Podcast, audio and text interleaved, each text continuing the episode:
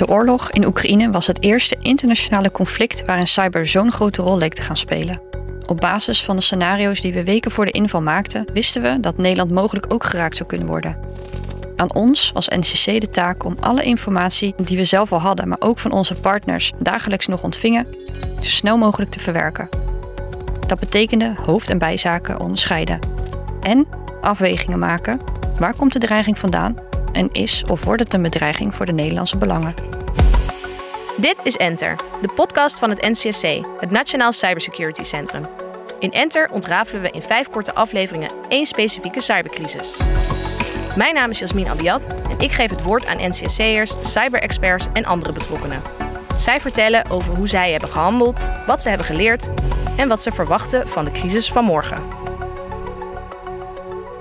In aflevering 1 vertelden Ivan, Robin en Bart, alle drie dreigingsanalisten bij het NCSC, over de scenario's die zij voor de invasie van Rusland in Oekraïne al maakten. In deze aflevering kijken we naar de daadwerkelijke impact die de oorlog op het gebied van cybersecurity heeft gehad op Nederland. We spreken weer met Robin en Ivan van het NCSC, maar horen ook een perspectief van een andere overheidsinstantie. We gaan in gesprek met plaatsvervangend directeur van de Militaire Inlichtingen en Veiligheidsdienst, Sebastian Rijn, over de impact van de oorlog op Cyber Nederland. In de vorige aflevering spraken we over de scenario's die het NCSC ontwikkelde op basis van vier categorieën. Dat zijn 1. Bewuste aanvallen op Nederland die leiden tot maatschappelijke ontwrichting. 2. Opportunistische en ongecontroleerde aanvallen met spillover-effecten op Nederland. 3. Het verspreiden van desinformatie om de informatievoorziening te verstoren en de publieke opinie te beïnvloeden. En 4. Digitale spionage. De scenario's die we vooraf hebben opgesteld en hebben gedeeld met onze doelgroepen zijn vrij abstract. Ze zijn bedoeld om inzicht te geven in de situatie en hoe deze situatie zich verder kan ontwikkelen. Partners moeten dan zelf uit deze scenario's kunnen afleiden welk effect een bepaalde ontwikkeling op de eigen organisatie zou kunnen hebben. En natuurlijk ook hoe ze zich daar het beste op kunnen voorbereiden. Hoe doen zij dat dan? Nou, door bepaalde zaken na te gaan. In welke sector bevind ik me? Wat voor informatie heb ik tot mijn beschikking die wellicht interessant is? Op welke manieren werk ik samen met internationale overheden? En ook hebben we Russische of Oekraïnse partners, leveranciers of bijvoorbeeld vestigingen waar we ook nog eens rekening mee moeten houden. En als je dat dan weet, wat dan? Nou, we delen altijd handelingsperspectief bij de scenario's. Dus wat kan een organisatie doen ter voorbereiding op een bepaald scenario? Welke maatregelen kunnen ze nu alvast nemen om de impact van een mogelijke digitale aanval te verkleinen? Kun je daarvan een voorbeeld geven? Nou, in sommige gevallen is het eigenlijk een herhaling van de basismaatregelen die essentieel zijn voor de digitale veiligheid. Helaas merken we dat nog niet alle organisaties de basismaatregelen hebben getroffen. Daarom blijven we er ook op hameren, want ze verkleinen echt de kans dat digitale aanvallen slagen en zijn in conflict situaties als deze ja, des te belangrijker. Uh, het gaat dan bijvoorbeeld om patch management, het segmenteren van netwerken of het genereren van loginformatie. Ja, denk ook aan multifactor authentication. Dat is een ander goed voorbeeld. Ja, het is echt gewoon echt belangrijk dat je dit goed instelt. Eigenlijk eenvoudige stappen die je kan nemen als organisatie die je direct minder kwetsbaar maken voor een aanval. De scenario's werden in 2022 op 17 februari gedeeld. De oorlog begon een week later. Hoe ging het NCSC daarna te werk? Het uitbrengen van de scenario's was het begin, zowel voor het NCSC als voor de organisaties die we daarmee bereiken. Hierna hebben we ook een webinar georganiseerd om organisaties de kans te geven om op de scenario's te reageren, hier vragen over te stellen, met ons in gesprek te gaan. En daarna heeft iedere organisatie op zijn eigen manier de scenario's gebruikt. Voor het NCSC vormden de scenario's verder de leidraad van het werk wat daarna nog zou volgen. We hebben voortdurend gekeken naar wat er binnen Nederland en ook buiten Nederland in de rest van de wereld gebeurde. En op welke manier uh, we dat konden plaatsen in de scenario's. We staan constant in contact met partnerorganisaties en experts, zowel in het binnen- als buitenland. En we vergelijken onze verwachtingen uh, continu met de werkelijkheid. Robin Vollebrecht kijkt positief terug op deze werkwijze. In aflevering 1 vertelden we over de digitale aanval in 2017 die de haven van Rotterdam deels stillegde. De lessen die we daaruit hebben kunnen trekken maakten dat het NCSC en ook het netwerk een stuk beter waren voorbereid. Je bent natuurlijk nooit genoeg voorbereid. Maar in een conflict als deze, een dreigingsanalyse uitvoeren, vroeg eigenlijk best wel veel van eh, mijn collega's en mijzelf. De manier van scenario's opstellen en de waarschijnlijkheid inschatten was ook voor ons nieuw. Het was voor iedereen even wennen en zoeken. Tegelijkertijd weet je ook dat er heel veel op het spel staat en dat je scherp moet blijven. Het besef dat er een oorlog kan uitbreken en dat je je daarop moet voorbereiden zorgt toch voor meer druk. Je wil en mag echt geen fouten maken. We werkten nauw samen met de afdeling communicatie en combineerden onze kwaliteiten. Uh, we wilden een mooi nieuw analyseproduct schrijven en dat is ook gelukt, maar dat is pas één ding. We wilden natuurlijk ook de manier waarop we gingen communiceren goed afstemmen met, met onze doelgroepen. En daar heeft communicatie echt bij geholpen. Daarnaast werkten we ook nauw samen met publieke en private organisaties, waardoor we veel bruikbare informatie kregen en binnen een maand deze scenario's hebben kunnen schetsen. Maar ook de kans op misinterpretaties zo klein mogelijk maken. Hebben bijvoorbeeld diverse uitvragen gedaan, mede met behulp van onze eh, relatiemanagers, welke incidenten de afgelopen periode zijn waargenomen. Op deze manier konden we de waarschijnlijkheid beter inschatten. Het is namelijk heel belangrijk dat de scenario's en de inschatting dat het in Nederland kan gebeuren realistisch zijn. En onze samenwerkingspartners hebben daarbij hele waardevolle input kunnen geven. Terug naar de impact op Nederland. Ook vanuit de Militaire Inlichtingen en Veiligheidsdienst, de MIVD, werd hier nauwlettend in de gaten gehouden. Sebastian Rijn is plaatsvervangend directeur van de MIVD en vertelt ons hier meer over. Ja, als eh, MIVD staan we in de frontlinie van digitale ontwikkelingen. Dus we merken ook heel goed wat er digitaal gebeurt rondom de oorlog in Oekraïne. Ja, al voor de oorlog was sprake van een oorlog in Oekraïne op het gebied van cyber. Oekraïne was reeds doelwit van uh, een grootschalige, zeer omvangrijke cybercampagne van Russische kant. De grootste uit de geschiedenis. En dat heeft uh, al in 2016, 2017 geleid tot uh, Petja en Not Petja. Met uitstralingseffecten ook naar Nederland. Denk aan de haven van Rotterdam. Dat soort effecten hebben we uh, nog niet gezien tijdens de oorlog. Maar het is uh, wel zeker zo dat we zeer alert moeten zijn. We zien digitale spionage. Die spionage is ook gericht op Nederland. Die is ook gericht op logistieke aanvoerlijnen. Want Nederland is een knooppunt uh, in de wereld. En ja, als er wapensystemen worden geleverd, dan gaat het ook vaak via Nederland. Dus daar zijn, we, daar zijn we zeer alert op. En we weten dat de Russen geïnteresseerd zijn in, in hoe er wapens naar Oekraïne worden geleverd.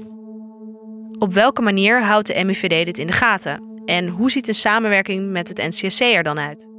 Ja, wij doen inlichtingenonderzoek. Dus uh, nou, ik moet zich voorstellen, we hebben cyberteams met hackers, maar ook met analisten die op zoek gaan naar de dreiging. In dit geval de Russische dreiging. En waar komt die dan vandaan? Nou, vaak zijn dat Russische inlichtingendiensten. Dus die gaan we digitaal uh, opzoeken. En als wij dan de dreiging gevonden hebben, en die uh, begint dan uh, doorgaans toch wel ergens in, in, Rusland, dan verzamelen wij daarover inlichtingen. En die inlichtingen delen wij vervolgens ook met het NCSC. daar bestaan methodes voor. En die komen ook terecht, bijvoorbeeld in een Cybersecurity Beeld Nederland. Begin maart 2022 kwam minister van Defensie Kajsa Ollongren met een opvallende waarschuwing in het nieuws. Ik citeer: je verwacht niet dat de bakker om de hoek onderdeel van een netwerk van de Russische geheime dienst kan zijn. Maar dat is wat er nu gebeurt. Dus zorg dat de beveiliging van je digitale systemen op orde is.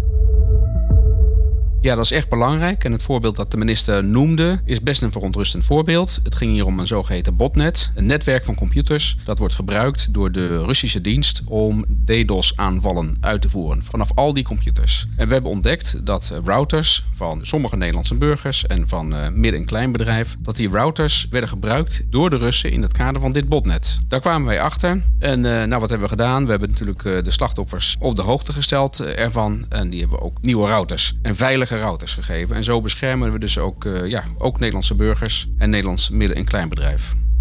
Ja, dit is ook waarom die basismaatregelen zo belangrijk zijn. Als je deze op orde hebt, is het voor hackers veel moeilijker om jouw computer of router binnen te dringen. Dus zorg voor bijvoorbeeld goede wachtwoorden en voer software-updates uit. Het kost misschien wat tijd, maar het zorgt ervoor dat je beveiliging ook op orde blijft. Dit geldt natuurlijk niet alleen voor organisaties, maar het is echt belangrijk om dit bewustzijn ook te creëren bij alle Nederlanders. Daarom waren we ook blij met de oproep van de minister. We hameren als NCC zo op de basismaatregelen, omdat de zwakste schakel in de keten bepaalt hoe veilig het hele netwerk is. We willen die zwakke schakels dus zo sterk mogelijk maken om de gehele keten te versterken. Als een aanvaller makkelijk binnen kan komen bij een leverancier van bijvoorbeeld de boekhoudsoftware waar we het in aflevering 1 al over hebben gehad, kan dat gevolgen hebben voor het logistieke bedrijf dat deze software gebruikt. En zo kan dus een hack bij een softwareleverancier ervoor zorgen dat er geen containers meer kunnen worden gelost in de haven van Rotterdam, zoals we al zagen in 2017. Maar uiteindelijk lijkt de impact van deze oorlog op Nederland gelukkig mee te vallen. Hoe kijkt het NCSC hier tegenaan? Nou, uiteraard ben je opgelucht. Je hoopt natuurlijk niet dat je zwartste scenario's werkelijkheid worden. Kijk, scenario schrijven is natuurlijk geen toekomst voorspellen. Het loopt altijd anders dan je van tevoren denkt. Maar we waren als analist zijnde wel erg tevreden dat onze waarschijnlijkheidsinschattingen goed aansloten bij de ontwikkelingen die we zagen. Tegelijkertijd staan we door onze samenwerking met de NSTV ook in nauw contact met de bestuurders, de Rijksoverheid en de politiek. De NCTV, dat is de Nationaal Coördinator Terrorismebestrijding en Veiligheid in Nederland. Ja, en ook al lijkt de impact van de oorlog tot nu toe mee te vallen, je wil niet dat je verkeerde inzichten deelt. Dat wil je nooit, maar via de partners van de NCTV bereiken we natuurlijk enorm veel Nederlanders. Meer organisaties en burgers dan we normaal als NCSC bereiken. Extra reden om voorzichtig te zijn met uitspraken, want je wil niet dat je onterecht onrust creëert. En tegelijkertijd wil je wel dat mensen alert blijven. De vier categorieën die jullie in eerste instantie hebben geschreven, bleken niet genoeg. Er werden in april nog twee categorieën toegevoegd. Ja, dat klopt. We zagen ontwikkelingen die niet binnen de huidige categorieën pasten die we in januari schetsten. We hebben statelijke economische spionage toegevoegd. Dat risico werd groter als gevolg van de sancties die vanuit Europa, maar ook breder en onder andere vanuit Nederland aan Rusland werden opgelegd. We gingen ervan uit dat Russische actoren op deze sancties zouden reageren door bijvoorbeeld spionageactiviteiten op te voeren om zodoende kennis uh, binnen te halen die belangrijk zou kunnen zijn voor de eigen binnenlandse productie of om bijvoorbeeld sancties te omzeilen. Een andere categorie die we hebben toegevoegd was de dreiging van criminelen. We verwachten bijvoorbeeld een toename van het gebruik van ransomware. Een ransomware aanval kan echt problematisch zijn, want het kan grote gevolgen hebben voor een organisatie als systemen niet meer werken of als data niet meer beschikbaar is. En in sommige gevallen wordt bij een ransomware aanval ook nog eens informatie gelekt, zoals persoonsgegevens of boekhoudkundige informatie.